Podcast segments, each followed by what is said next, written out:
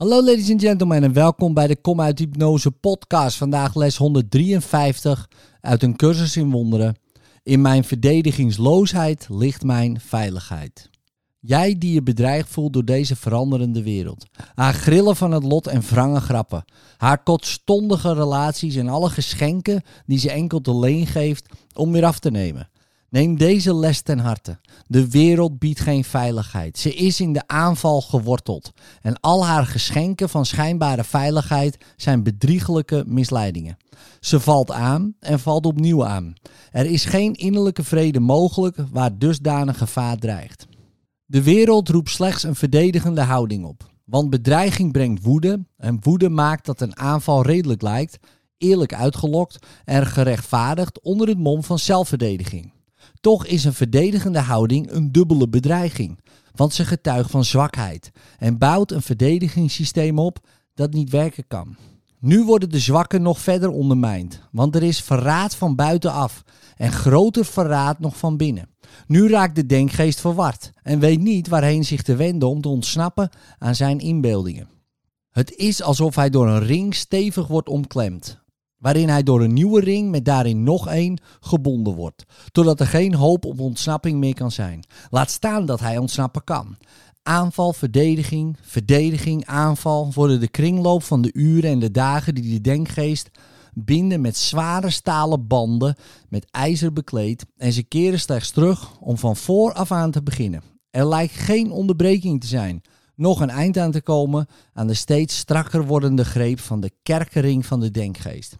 Verdedigingen zijn de onbetaalbaarste van alle prijzen die het ego van jou vordert. Daarin schuilt een dwaasheid van zo'n grimmige vorm dat hoop op innerlijke gezondheid niet meer dan een ijdele droom lijkt, die het mogelijke te boven gaat. Het gevoel van dreiging waartoe de wereld aanzet is zoveel dieper en zo ver verwijderd van de waanzinnigheid en intensiteit die jij je kunt indenken, dat je geen idee hebt van alle verwoesting die er door is aangericht.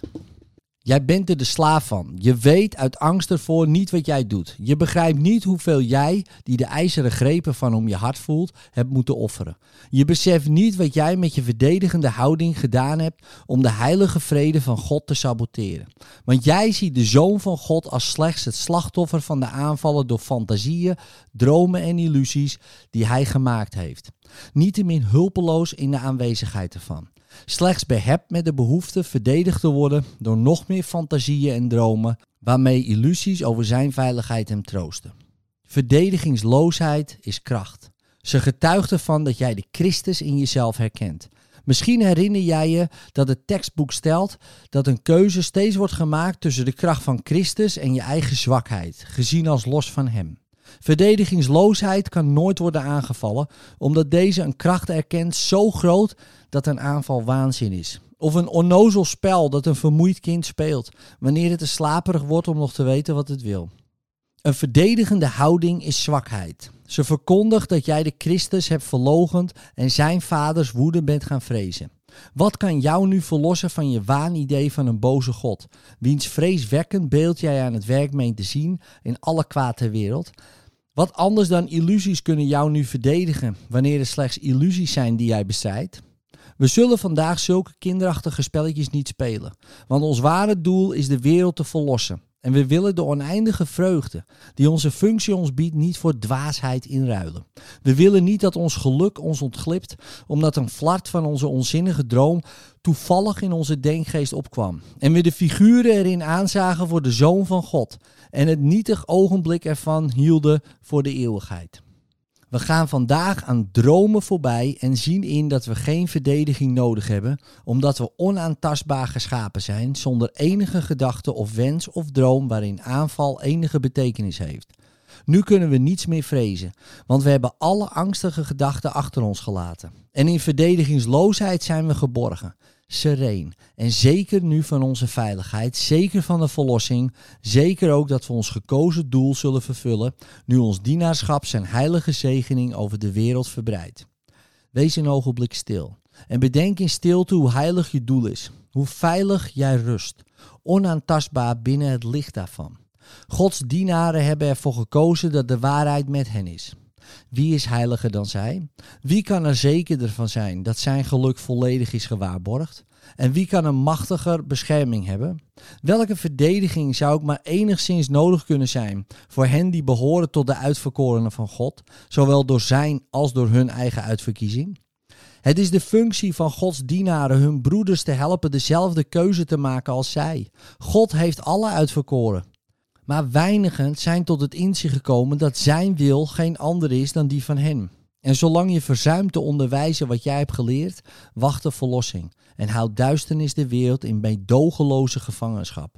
Evenmin zul jij leren dat het licht tot jou gekomen is en je ontsnapping is volbracht. Want jij zult het licht niet zien tot je het aan al jouw broeders aanbiedt. Wanneer zij het uit jouw handen aannemen, zul jij het herkennen als wat jou toebehoort.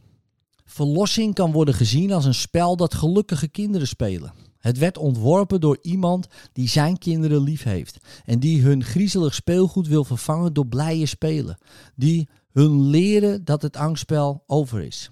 Zijn spel onderwijst geluk, omdat er geen verliezer is. Iedereen die speelt moet wel winnen en zijn winnen verzekert winst aan iedereen.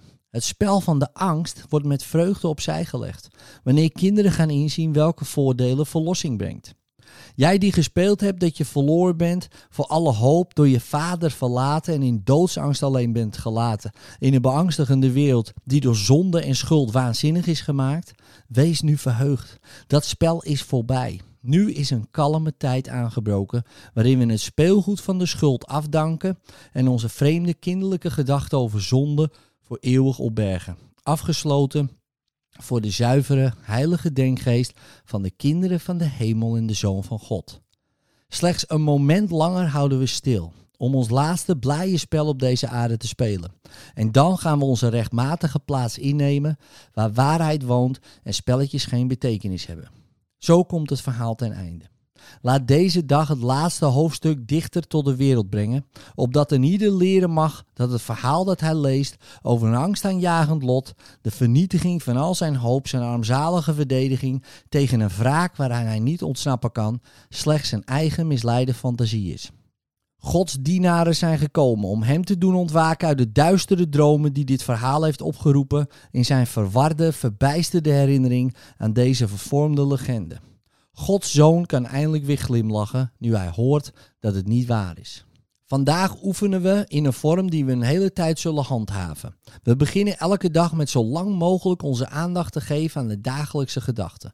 Vijf minuten wordt nu het minste dat we geven ter voorbereiding op een dag waarin verlossing ons enig doel is. 10 zou beter zijn en 15 nog beter zijn. En naarmate afleiding niet langer de kop opsteekt om ons van ons doel af te houden, merken we dat een half uur met God doorgebracht nog te kort is.